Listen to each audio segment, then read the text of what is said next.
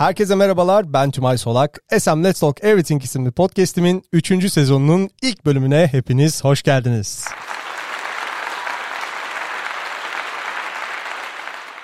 Bu bölümde bildiğiniz üzere geçtiğimiz hafta tanıtım bölümünde de bahsettiğim gibi öncelikle yeni bir sunucumuz var. Yeni sunucumuz Ece Merve Yeter. Alkışlarla öncesinde kendisini kısaca tanıtmasını istiyoruz. Merhabalar. Öncelikle teşekkür ederim beni ağırladığın için. Ee, benim için çok heyecanlı. Ee, daha önce hiç yapmadığım bir şey içerisindeyim şu anda. Seninle birlikte yapıyor olmak da çok güzel. Ee, kendimden kısaca bahsedeyim öncelikle. Ee, zaten biraz benden bahsetmiştin sen e, bir önceki bölümde. Evet. Aslında fizik mühendisiyim. Ee, daha sonra biraz daha farklı bir alana evrilerek teknik e, kısımdan çıktım diyebilirim.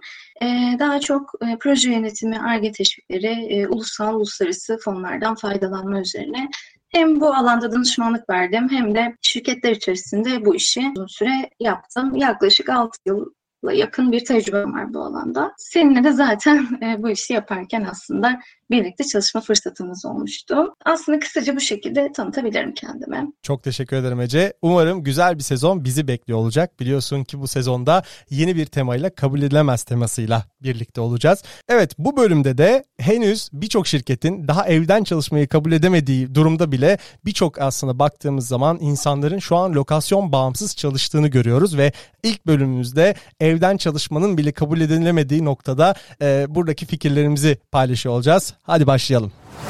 Aslında seninle de çok konuştuk bu konuyu daha önce. Çok düşündük üstüne. Çünkü bazen e, çok anlamsız gelen noktalar olabiliyor bu konuda. Pandemiyle birlikte de aslında şunu anladık biz e, işimizi yapabilmek için gerçekten günde özellikle İstanbul gibi bir yerde 2-3 belki 4 saatimizi yolda geçirip ofislere gidip orada oturup birlikte yüz yüze toplantılar yapmamıza acaba gerek var mı? Aslında pandemi yani bu süreç e, gösterdi ki gerek yok. Yani biz bunları daha önceden yapıyorduk ama bunlar olmadan da işimizi yapabiliyor hale geldik. Aslında bazı araştırmalarda gösteriyor ki işimizi daha iyi yapabilir hale gelmişiz bu şekilde çalışarak. Bu dediğine kesinlikle katılıyorum. Özellikle birazdan da bahsedeceğim bahsedeceğiz. Yani sadece evden çalışmak değil, iklim değişimine bile olan katkılarından söz edeceksin. Yayın öncesinde de konuşuyorduk çok kısa seninle. O yüzden ben de katılıyorum. Yani evden çalışmanın tabii ki de artıları eksileri var. Bu arada buradan oraya bağlarız istiyorsan ama yani birçok şirketin evden çalışarak mevcut KPI'lerini özellikle çalışanlarının daha hızlı ve daha odak noktasında gerçekleştirdiğini ben de düşünüyorum. Özellikle de İstanbul gibi lokasyonda yaşayan insanlar olarak gerçekten hani trafik problemi, ulaşım problemi, özellikle bu alanda yaşadığımız yaşadığımız gidiş gelişlerdeki stresler bile bence iş yaşantımızdaki günlük verimimizi oldukça etkilediğini düşünüyorum. Tabii dediğim gibi bu işin artıları da var, eksileri de var ama e, artık evden çalışmanın bile e, kabul edilemediği bir noktaya evrildi pandemiyle birlikte bu ekosistem diyeyim ve istersen artı ve eksilere geçelim. Ne dersin? Olur geçelim. Aslında şöyle yapabiliriz. Daha önce bunu Harvard Business Review'un bir bölümünde de ele almışlardı bu konuyu. Oradaki gibi ele alabilirsek belki daha faydalı olabilir anlatabilmek açısından. Baktığımızda çok iyi ele almışlar çünkü yani oradan gitmek istedim. E, bireyler, organizasyonlar ve toplum açısından yani üç farklı e, açıdan ele almışlar. Şimdi burada ilk etapta e, bireyler açısından baktığımızda e, ben çalışan bir birey olarak aslında istediğim zaman e, evden çalışabilmek yani farklı modeller var biliyorsun hani sürekli evden çalışma ya da belli zamanlarda evden çalışma. Doğru. E, hatta bunun da bir tık ötesinde herhangi bir yerden çalışma da var. İkisini birlikte ele alarak, alarak aslında e, artıları sıralıyor olacağım şimdi. Bir kere İnsan kendini daha özgür hissediyor. İstediğim yerden çalışabilirim, istediğim zaman evden çalışabilirim. Hem sadece evden çalışmayı düşünmeyelim. E, çünkü biz daha evden çalışmayı konuşuyoruz. Kabul edilebilir edilemez noktaları var hani bunların firmalar açısından. Ama baktığımız zaman insanlar evden çalışmayı yani dünya çapında baktığımızda evden çalışmayı zaten geçmişler. E, istedikleri yerden çalışma modeli yani insanlar istedikleri yerden işe alım yapabiliyorlar gibi ayrı bir e, model de var yani. O yüzden biraz daha geniş çaplı düşünüp bence uzaktan çalışma diyelim. E, ve bu Harvard Business Review'un bir bölümünde de ele alınmıştı. E, o şekilde e, ben de düşünmek istiyorum. Üç farklı açıdan değerlendirmişler. E, bireyler, organizasyonlar ve toplum açısından üç farklı şekilde ele aldıklarında e, aslında hem artıları var, e tabii ki bazı dezavantajları yani hala endişe duyulan noktaları da var. E, şimdi artılardan başladığımızda bir birey olarak uzaktan çalıştığınızda aslında size bir kurumun tanıdığı bir özgürlük oluyor. Dolayısıyla sizin istediğiniz yerden çalışabileceğiniz ve istediğiniz gibi düzeninizi ayarlayabileceğiniz bir opsiyon size sunulmuş oluyor. Bunun manevi olarak size yansıması bence çok büyük. Yaşam kalitenizde bir artış oluyor. İstediğiniz yerde yaşayabiliyorsunuz ve yani uyanıp iki saat yol gitmek zorunda değilsiniz. Uyku sürenizi buna göre ayarlayabilirsiniz. Yorgunluğunuzu atmak için daha fazla zamanınız var. İstediğinizi yapabilirsiniz. Ev işleri vesaire gibi hani aslında e, günlük devam eden e, işlerde de kendinize göre düzenlemeler yapabilirsiniz. E, dolayısıyla bu Artılar sizin için arasında yer alıyor aslında baktığın zaman. Tabii ki evet. Artılar arasında yer alıyor. E, e tabii ki farklı ülkede yani farklı ülkede bulunan bir işe de başvurabiliyorsanız eğer öyle bir çalışma modeli de varsa üstüne zaten tadından Yenmez herhalde diye düşünüyorum yani. Yani yok kesinlikle katılıyorum ama biraz da e, ben eksilerinden bahsetmek istiyorum. Aslında bu dediğin e, aslında savları ya da bu dediğin e, avantajları yanında bazı dezavantajlar da var benim açımdan baktığın zaman. Özellikle tabii bu Harvard Business Review'da yazmıyor. Bir referansımız yok bunu paylaşırken ama ya benim bahset ya düşündüğüm kadarıyla özellikle uzaktan çalışma modelinde ve yeni işe başlayan insanlar için de hedefleri belirsiz olduğu noktada bence bu çok da efektif olmuyor diye düşünüyorum. Hatta yeni başlayan insan insanlar için bu daha da zor. Çünkü birçok biliyorsun kurumsal şirketlerde dahi onboarding süreçleri bir tık böyle zayıf kalabiliyor. Ama e, şu yurt dışındaki birçok şirkete baktığım zaman mesela onboarding süreçlerinde çalışanlara mesela 10 tane task veriyorlar. 10 tane ya da 15 tane task ve bunlar çok tanımlı oluyor. Sen şirkete girdikten sonra şirketi tanıyabilmek için o görevleri tek tek yerine getirmeye başlıyorsun ve bunlar çok böyle e, strict şeyler. Ya nasıl söyleyeyim? Yani ucu açık olmayan, insanların yorumuna kalmamış işler oluyor. Bu da onboarding sürecini sürecini hızlandırıyor. Eğer e, evden çalışma süreçlerinde şirketlerin e, hem hedef mevcut çalışanlara verilen hedefleri hem de yeni işe başlayan insanlara daha targeted işler verebilirlerse ya da bu işleri daha ölçülebilir bir noktaya getirebilirlerse ben bu avantajlara katılıyorum. Ama e, dezavantajlar noktasında da e, evde çalışan işte insanları görmeden e, ya da şirketin hangi yöne gittiğini hissetmeden çalışabilmek de ben açıkçası kendi açımdan bir dezavantaj olduğuna inanıyorum.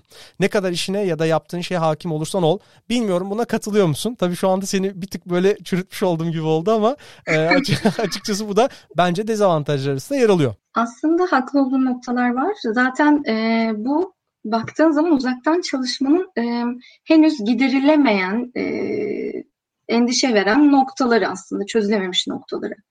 E, ama burada da bazı faktörler var. En önemlisi bence e, yönetim, yani yöneticilik faktörü. E, yöneticilere çok fazla şey düştüğünü düşünüyorum. E, artı bir de bence bu şirketteki dijitalleşme kısmı da çok önemli. Belki bunu hani bir sonraki bölümde girebiliriz. E, Olabilir. O ayrı ama e, yani eğer yeterince dijitalleşme, o dijital dönüşümü geçirmediyseniz ya da belli bir aşama kaydetmediyseniz evet uzaktan çalışma zaten zor hale gelebilir. Gerçekten zor olabilir. Evet dediğine katılıyorum. Ya kesin. ya dijitalleşme bölümüne sonradan gireriz ama bu e, açıkçası bir sonraki bölümde belki onu da tartışmak gerekiyor. Yani iş sadece bir laptop, bir mouse istediğin yerde olmak değil. Aslında o sistemi yürütmek için belli altyapılara e, şirketlerin çok önceden yatırım yapmış olması gerekiyor. Dediğim gibi bunları bir sonraki bölümde tartışırız. Bu bambaşka bir dijital süreçlerin konusu.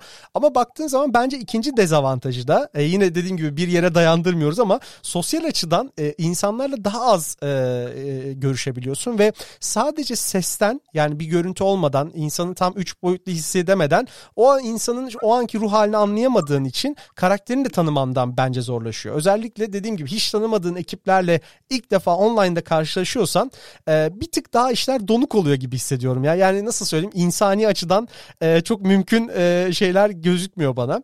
O yüzden de e, bence ikinci dezavantajın bu olduğunu inanıyorum. Yani işteki verimliliğin bir, biraz da insanlarla olan etkileşimden geldiğini hissediyorum hissediyorum. Çünkü biliyorsun ekip demek her şey demek. Yani eğer sen ekipte uyum sağlayamıyorsan ya da ekip sana göre e, aynı mindsette değilse o zaman senin çalışma verimini de etkiliyor diye düşünüyorum. Bu uzaktan çalışmada hiç e, kolay olacak bir şey değil.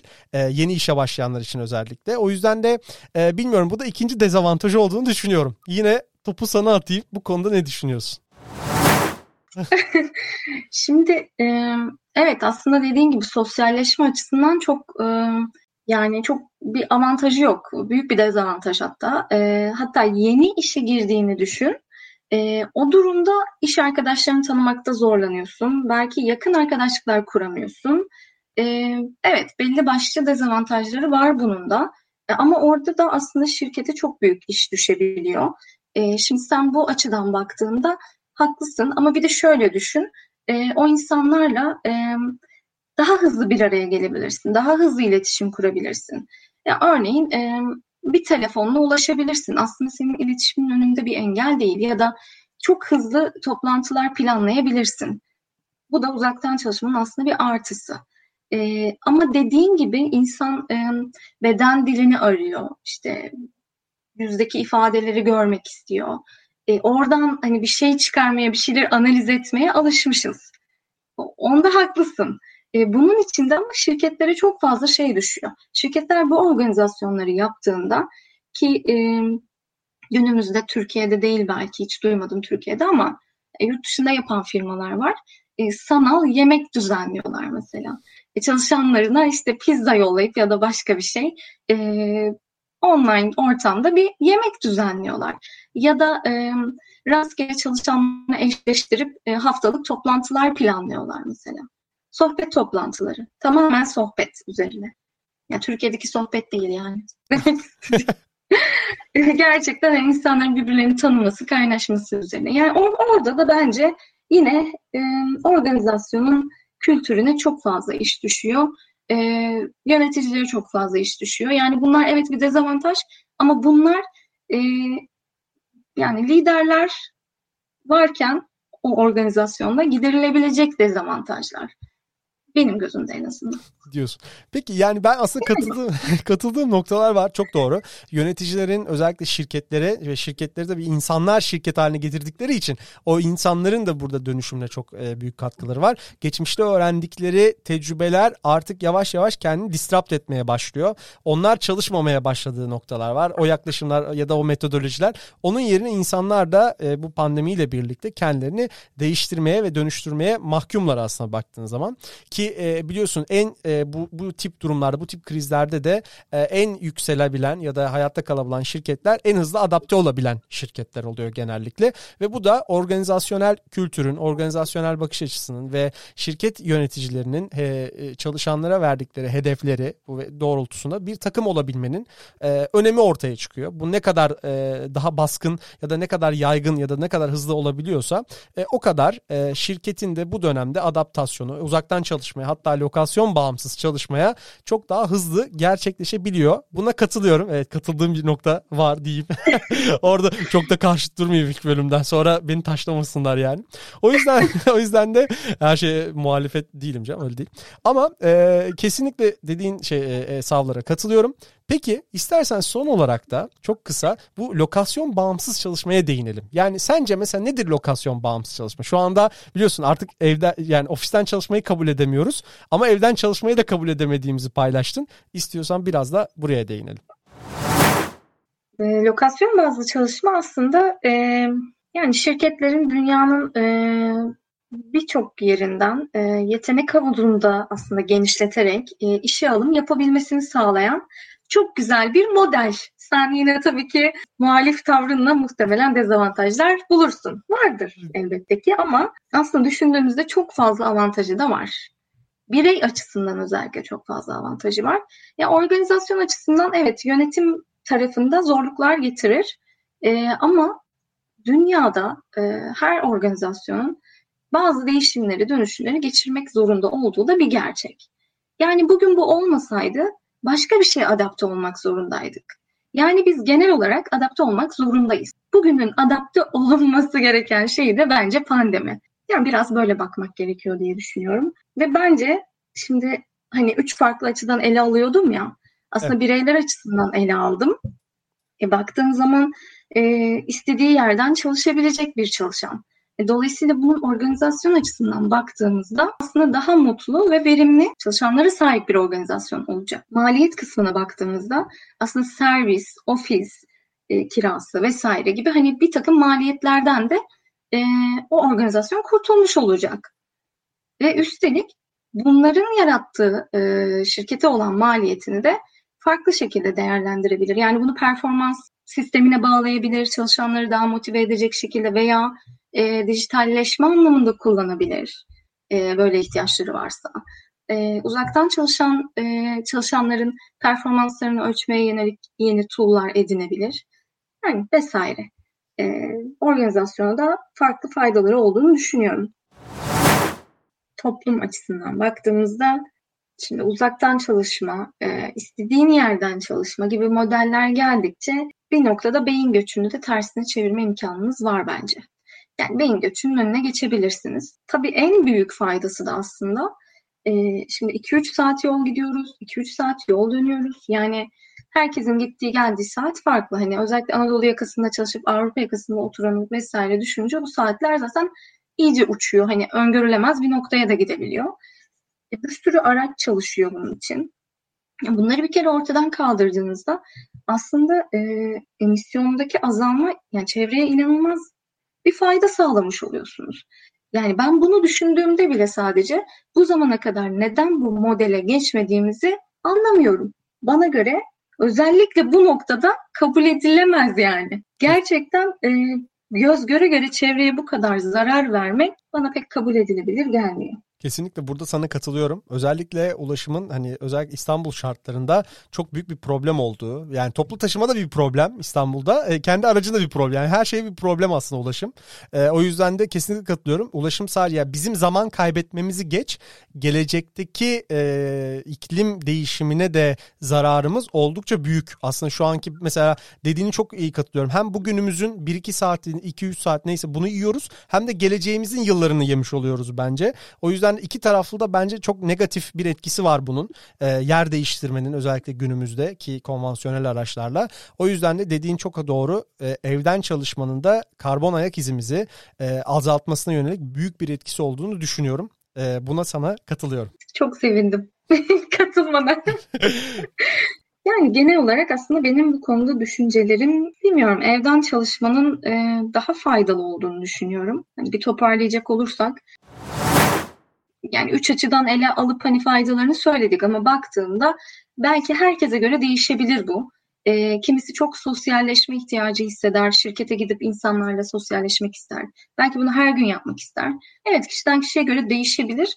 E, ama biraz daha e, kendimizi de değiştirip dönüştürmemiz gerektiğini düşünürsek bence e, herkesin biraz daha evden çalışmaya kendini adapte etmesi gerektiği günlerdeyiz diye düşünüyorum. E, buna tabii ki e, sadece çalışanlar değil aslında yöneticiler de dahil. Kesinlikle katılıyorum. Dediğim gibi artık hani bırak ofisten çalışmayı evden çalışma bile bir, bir e, noktaya kadar kabul edilemez bir hale geldi. O yüzden de umarız en kısa zamanda bu dönüşümün daha hızlanması dileğiyle diyelim ve istersen bu bölümü kapatalım. O zaman bu haftalıkta bizden bu kadardı diyoruz. Gelecek hafta 3. sezonun yeni bir bölümüyle karşınızda olacağız. Yeni bir kabul edilemez temasıyla karşınızda olacağız diyelim. Yorumlarınız için bize hem mail yoluyla hem de LinkedIn üzerinden ulaşabilirsiniz. Gelecek hafta görüşmek dileğiyle. Hoşçakalın.